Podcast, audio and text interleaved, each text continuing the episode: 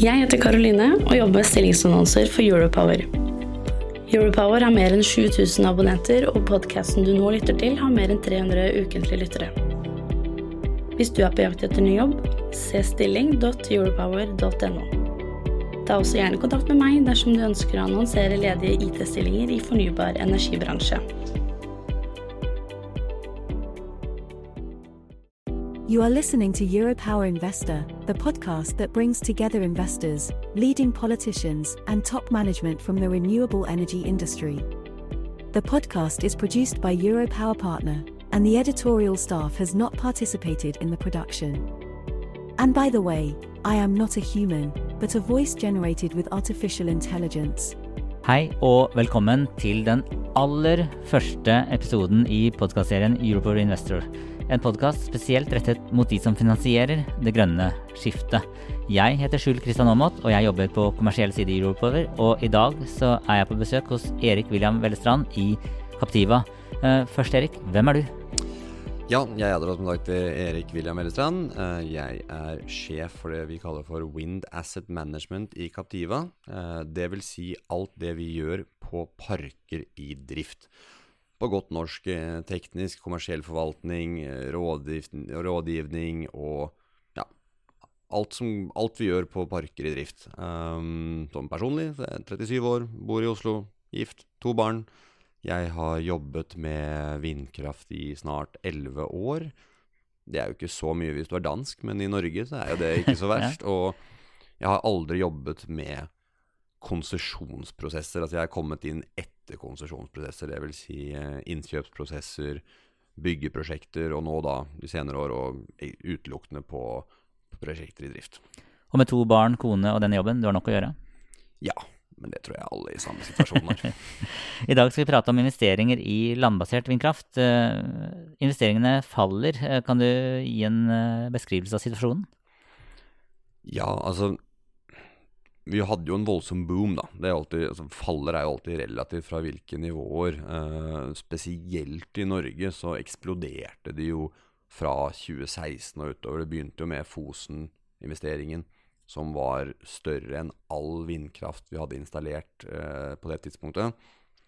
Men det var jo, og Sverige også så jo en voldsom eksplosjon i samme, i samme periode, fra ja, kanskje 50 000 megawatt i året til plutselig så var det liksom 2-2,5 opp mot nesten 3000 megawatt med investeringsbeslutninger i, i, i, året.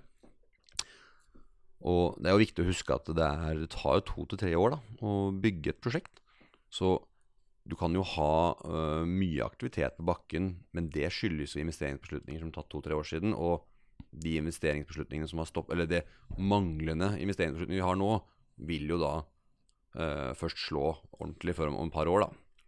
Eh, det minner meg litt om hvordan det var i oljebransjen kanskje 2014-2015, hvor det fortsatt var høy aktivitet. Eh, men beslutningene Det var jo fordi det var beslutninger tatt for en stund, eller mm. litt før 2014. Og så gikk det nedover. Hvordan vil du beskrive Eller er situasjonen så å si den samme i alle de nordiske, nordiske landene? Ja og nei. altså Enkelt sagt ja. Uh, vi har et felles kraftmarked, vi påvirkes av mange av de samme globale faktorene, så det er jo mye likhetstrekk. Men så er det jo selvfølgelig veldig mye nasjonale og ikke minst lokale forskjeller. Altså det er jo forskjeller mellom Nord-Sverige, Sør-Sverige osv. Men hvis vi skal prøve å, å, å, oppsummere litt, så er det jo veldig høyt trykk i Finland. Der det, den der er vel egentlig den landet hvor man ikke har sett opprensningen enda. Det, noen som mener at det begynner å komme nå, eh, så får vi se. Men de har fortsatt en ganske sånn robust ordrebok for de neste par årene. Eh, altså det 6000-tallet kommer til å bli ja, 9000 megawatt når de fullfører det de har under bygging allerede, eller som er allerede, um, investeringsbeslutning tatt allerede. Så er det jo Sverige, da, som er jo på ish 16 000 megawatt, by far størst i største Norden. Og det som jeg sa i sted, altså der har det jo vært eh, Det har jo vært voldsomt høyt tempo. da uh, Og vi ser jo at det har gått veldig mye ned. Altså, svensk vindindustri er jo kanskje den mest transparente, organisasjonen. De publiserer jo faktisk kvartalsmessige uh, turbinkjøpsavtaler. Så du kan se hvor mye som blir investert i nye turbiner hvert eneste kvartal. Da ser man jo åpenbart at trenden de siste året, halvannet, ligger langt under det den var i perioden skal vi si 2017 til, til 2021. Danmark er jo litt unikt i seg, for det er jo et mye mer modent marked. Uh, Danmark har jo vært stabilt og har jo begrenset uh, plass for utvidelse, plass i den geografiske forstanden av ordet, og har jo satset mer og mer offshore. Jeg tror de hadde i, i fjor 130 megawatt som ble lagt til, og jeg tror faktisk i år så er det snakk om at det kan være negativ vekst i Danmark. For det er såpass mange gamle turbiner som skal decommission, som er faktisk større volum enn de, det, som, det, som, kommer. Uh, ja, det er vel egentlig oppsummert situasjonen. Men summen, da, hvis man, hvis man ser på Norden som en helhet, er jo at investeringsbeslutningene er uh, mindre og lenger imellom enn de var. Hva, hva skyldes det? Nei, altså det er jo uh, en, en, en, en, serie, eller flere ting selvfølgelig. Uh, det viktigste er jo kanskje manglende Eller det viktigste er åpenbart manglende prosjekter. Uh, det er for få konsesjoner. konsesjoner som er altså, gyldige konsesjoner med nett og alt det du trenger for å bygge. Uh, nå jo også, nå har man jo eksempler på konsesjoner i Sverige spesielt som i hvert fall i min bok skulle være mulig å bygge sånn juridisk og teknisk, som ikke blir investert. Så det betyr jo at det også må være finansielle faktorer som spiller inn her. Det kan det være prosjektspesifikke også, da, men kostnadene gått dramatisk opp. Turbinprisene er jo ja, Det spørs jo fra når til når du regner, men skal vi si opp 50 kanskje mer. Uh, ja, som sagt, Avhengig av hvordan du, hvordan du, hvor langt tilbake du ser i tid. Så rentebildet, åpenbart. Rente biter på alle, den. Den slår jo på alle industrier. Join us at the Europower Investor Conference the 19th of March, 2024 in Oslo. The focus will be on understanding and adapting to the recent shifts in investment patterns, driven by changing political frameworks. See investor.europower.no for information. Uh, hvis vi tar på oss den hatten der vi tenker at vi skal redde kloden da, uh, og gå over fra fossilt til fornybart, så er det jo et poeng å bygge fornybart. Uh, hva konkret må vi gjøre for å få opp investeringsviljen i Norge? Ja, det er jo et, eh, et godt spørsmål, da. Uh, som sagt, det har jo vært vanskelig å drive med nye prosjekter i Norge de siste årene. Uh, og, og, jeg opplever jo at nasjonalt, men også globalt, at det har aldri vært et større sprik mellom kanskje ambisjonsnivået og, og, og det man ser på bakken. Altså, jeg snakker ikke bare om ambisjonsnivået på vind spesifikt, men altså elektrifisering av samfunnet Uh, nye, nå, er, nå, går det kanskje litt tregere med nye batterifabrikker enn man trodde for inntil nylig, men jeg mener generelt så er det jo et fundamentalt underliggende behov for å elektrifisere og ønske om å utvikle ny, ny kraftindustri. Um, så hva skal til da, hvis vi får få opp investeringsviljen i Norge, altså på kort sikt det, noe, det, hjelper ikke med vilje hvis du ikke har mulighet. Og i Norge har vi ingen, ingen særlig konsesjonsgitte prosjekter som er klare. Så det hjelper ikke bare med vilje. Så man må jo starte med, med konsesjonsprosessene. Og så må man i et lengre perspektiv legge til rette for at aktørene tør å satse på nye prosjekter, søke konsesjoner, og senere selvfølgelig ta en investeringsbeslutning. Handler det om skatt? Skattenivået i Norge? Eh, skatt er åpenbart en, en, en faktor, men ikke den, ikke den, eneste. Hva tenker du øh, om grunnrenteskatten, altså avgift som man betaler fordi man får lov til å bruke en naturressurs? Jeg har ingen prinsipielle problemer med grunnrenteskatt uh, som et konsept. Uh, at man bidrar mer til samfunnet, og ikke minst kanskje lokalt, tror jeg faktisk er en forutsetning for den sosiale kontrakten og aksept for, for vind. Når det er sagt, så er man jo ikke, ikke kjempefornøyd med slik som for, forslaget er i statsbudsjettet nå. Altså det, det jeg sliter mest med, selvfølgelig, er jo det elementet med tilbakevirkende kraft. Uh, la oss ikke glemme at det er ikke så mange år siden norske politikere presset på for bransjen å investere mer i vind. Det var jo spesielt i forbindelse med når man hadde felles Elsert-system med Sverige, da, som alle trodde skulle bli det store. ikke sant? Og så var norske politikere misfornøyd med at uh, all utviklingen alle bygninger i prosjektene skjedde i Sverige. Og det, altså, det, det, er jo ikke så lenge siden. I et infrastrukturinvesteringsperspektiv så er jo ikke det lenge siden i det hele tatt. Eh, så det har jeg et problem med. Og så har jeg kanskje et liksom, problem at man hardnakket stå på at den skal være investeringsnøytral, når den helt åpenbart ikke er det. Uh, det, det, trenger man ikke å være, ha en doktorgrad i finans for å komme til bunns i. Altså. Ofte så blir vindkraft presentert som et valg mellom urørt natur, samiske interesser og utvikling. Men er, er det ikke mulig å bygge ut vindkraft andre steder uten å gå løs på denne naturen? Jo. Det spørs hvor store prosjekter du snakker om også, selvfølgelig. men noe av det morsomste som skjedde uh, i bransjen de årene jeg jobbet, er jo at vi har fått en uh, utrolig rask teknologiutvikling. Vi ser kanskje at det har gått litt for fort på noen områder, men det er en litt annen diskusjon. Og det som er interessant med det, var at når jeg begynte, så var man i hvert fall i Norge, så sa man okay, man skal bygge ute i kysten. Der er det mest vind, du må ha ressursen, hvis ikke så kan du bare glemme det. Det er rett og slett ikke sant lenger.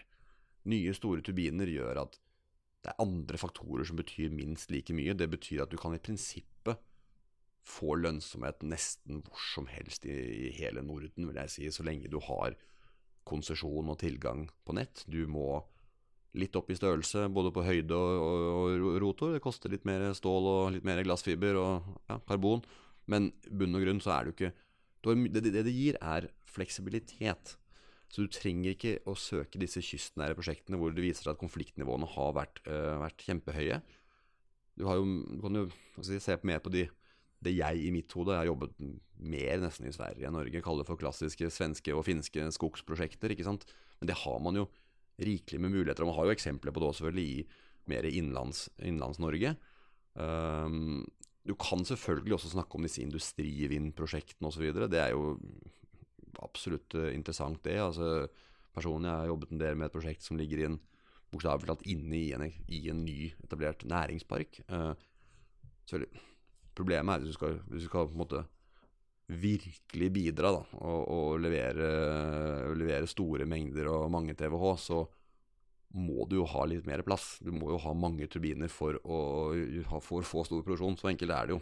Det, det, begrenser jo litt. Men ja, for å oppsummere Kan bygge litt mer eh, langs veier?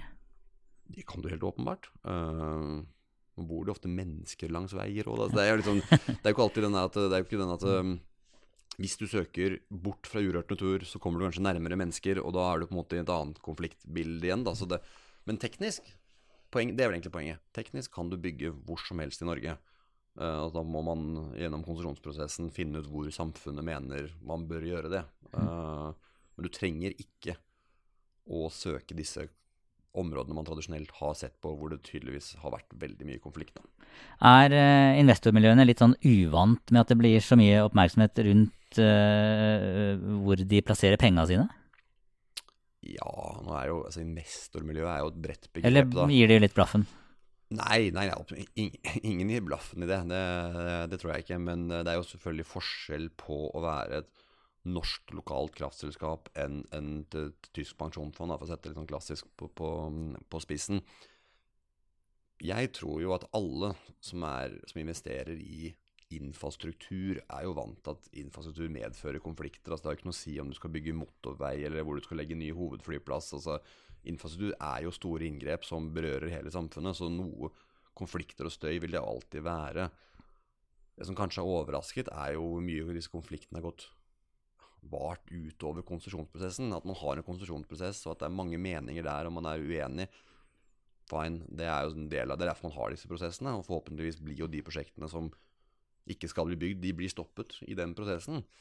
Men vi har jo hatt ganske store konflikter i Norge nå, også lenge etter konsesjonsprosessene har vært avsluttet. Da. Det er kanskje det som har vært overrasket litt. da, og ja, Ta Fosen med Høyesterett og sånne ting. altså Det er ikke sånn at det har jo åpenbart overrasket alle. Det skremmer jo politikerne? Jeg tror det skremmer, skremmer litt alle. Politikerne, investorene, ja.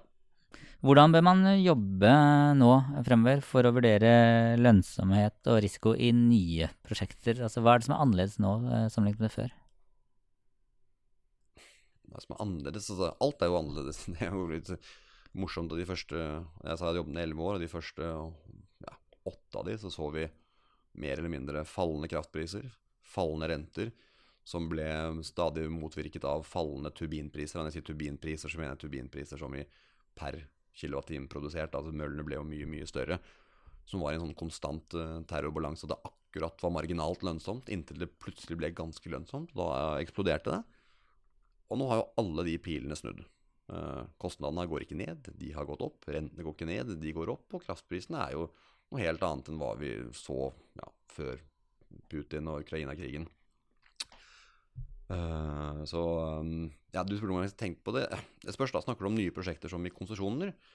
Helt ærlig så ville jeg ikke tenkt så Det er kanskje sånn sjokkerende å si. Jeg ville ikke tenkt så mye på lønnsomhet. Fordi ja, som sagt, de elleve årene jeg holdt på, så har ting endret seg så fort at hvordan verden er om fem år, det er liksom orker jeg ikke å spå om hvor enten er. Det er vel heller fokusert på mulighetene for å få konsesjon og nett. Og når du da endelig får konsesjon, så får du håpe at kraftpris og rentebildet er med deg, og det markedet er bra, men det er ikke gitt, det. Um, ja. Så, så, sier du du vet ikke helt hvordan verden ser ut om fem år, men, uh, men hva er løsningen for Norge, da? Uh, slik at vi innen fem år har en helt annen utbyggingstakt. Hva må vi gjøre? Nå er det jo Jeg sa jo innledningsvis at jeg Eller jeg sa først at det var manglende konsesjoner som er det største problemet. Og jeg personlig har jo ikke jobbet med konsesjonsprosesser, så jeg skal være litt forsiktig med å si hva som er fasiten uh, der, da. Uh, men det er jo helt åpenbart at skal du, ha en, skal du ha masse utbygging om fem år En konsesjonsprosess tar jo mange år. Da må det jo bli Da må det komme mange søknader uh, nå. folk må tørre å satse. Og de gjør ikke det hvis ikke de tror at det er mulig altså, Man vet jo når du begynner med konsesjonsprosesser at mange av prosjektene ikke kommer til å bli noe av. Uh, men det, essensen her er jo da å gjøre godt fotarbeid lokalt og politisk og, prøve, og, og miljømessig osv. Så, så du, du dreper de prosjektene som burde drepes tidlig uten at du har brukt altfor mye penger og tid på det. Og så de prosjektene som bør bygges, at de faktisk, som har livets rett, de faktisk får lov å gå videre. da. Og det er jo mer Det er det som er kanskje vanskelig nå, da. At uh, jeg opplever ikke at det er sånn Hvor skal man bygge? Det er jo mer sånn prinsipiell debatt om det er for eller imot vinden. Uh, de som er imot, er jo ikke De, de er jo de som er, de er veldig imot, da. Uh, nei, man, Nå har jo NVE begynt å åpne opp konsesjonsprosessen igjen etter tre år med pause. De har visstnok staffet opp en del og er klare til å behandle, så nå er det vel opp til at bransjen må tørre. I parallell at man må også forvente litt mer stabile rammevilkår, for bransjen tør jo ikke å satse tilbake til det med skattebilde og tilbakevirkende effekt. Og du skal jo, skal jo være ganske tøff da, for å sette, gå full speed i gang med norsk greenfield når du kan gjøre det samme i Sverige og Finland. Ja, så hvis du, hvis du ikke hadde jobba i Eller hvis du hadde hatt penger nå, ville du satsa utenfor Norge? Sånn som situasjonen er akkurat nå? Nei, det er, det, er, det er, et godt spørsmål. Altså, det er uh, jeg har jo tilbrakt mesteparten av min yrkeskarriere med svenske prosjekter for en grunn. da. Det har jo skjedd veldig mye mer der. Så historisk sett så statistikken tilsier jo at Sverige er et bedre land å, å satse på. Men jeg, nå har vi jo noen unike forutsetninger i Norge òg. Du har jo ikke like mye vind, du har magasinkraft, du kan mindre kannibalisering etc. Så jeg vil ikke si at man burde satse utenfor, men det kan være lurt å å, å, være, tenke litt nordisk. da, Og være aktiv i hele Norden. Det er ikke så dumt, kanskje ikke hele Norden, men i hvert fall litt forskjellige markeder. da, For det er å ikke ha alle eggene i en kurv.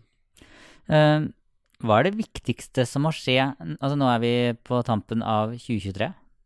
Hva er det, som, hva er det viktigste som må skje eh, før sommeren 2024 for at eh, vi skal få opp farta? Vi må jo selvfølgelig lande hele grunnrenteskattdiskusjonen alt er jo på hold med det. Uh, så og det, og det bør jo da Når jeg sier lande, så må det jo også lande sånn at En ting er at det er det jeg sa inne, det er en tilbakevirkende effekt som er problemet. ikke sant? Det er ikke, bransjen hadde ikke blitt skremt hvis man innførte noe nytt for nye prosjekter. For det, det, det, kan man på en måte leve med. Men det er jo det at du, du vil aldri bli kvitt den uvissheten at ok, nå har de landet på et eller annet, men så er det valg om fire år, vil det snu? Så det må jo egentlig et bredt tverrpolitisk enighet til. og så må den, Det kan ikke komme nye endringer hvert femte år. altså Det skremmer jo livet av bransjen. Så vi trenger forutsigbarhet? Forutsigbarhet og stabile rammevilkår er jo vil jeg si, er det viktigste. Uh, ja, Og så må man jo da selvfølgelig få mye konsesjonssøknader. da, Det er jo som jeg sa i sted. og På lengre sikt, det er kanskje litt du, ba om en kortere tidshorisont, da, men det er jo det var det Statnett sa for noen år siden? At mer nett er rett alltid. Altså, nett er jo, en, eh, er jo en propp for mange prosjekter. Det er jo Den siste tiden i mediebildet i Norge så har det kanskje handlet mer om på forbrukssiden. At nett er en propp, men det gjelder jo vel så mye på produksjonssiden. Bra. Da sier vi tusen takk til deg, eh, Erik William Vellestrand i Captiva, for at du har delt noen, eh, noe av din innsikt her. Eh, så ser vi frem til at Captiva også deltar på scenen på Europower Investor den 19. mars, den store konferansen vi har for de som finansierer det grønne skiftet.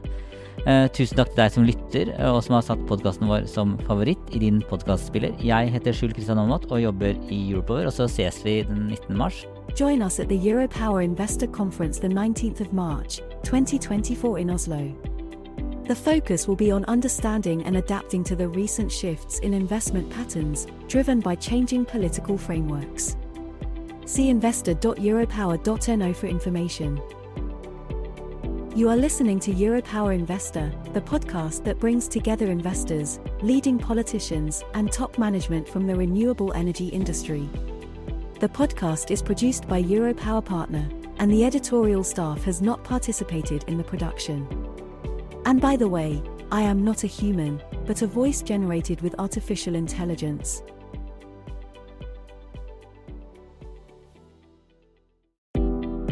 Jeg heter Karoline og jobber med stillingsannonser for Europower. Europower har mer enn 7000 abonnenter, og podkasten du nå lytter til, har mer enn 300 ukentlige lyttere. Hvis du er på jakt etter ny jobb, se stilling.europower.no. Ta også gjerne kontakt med meg dersom du ønsker å annonsere ledige IT-stillinger i fornybar energibransje.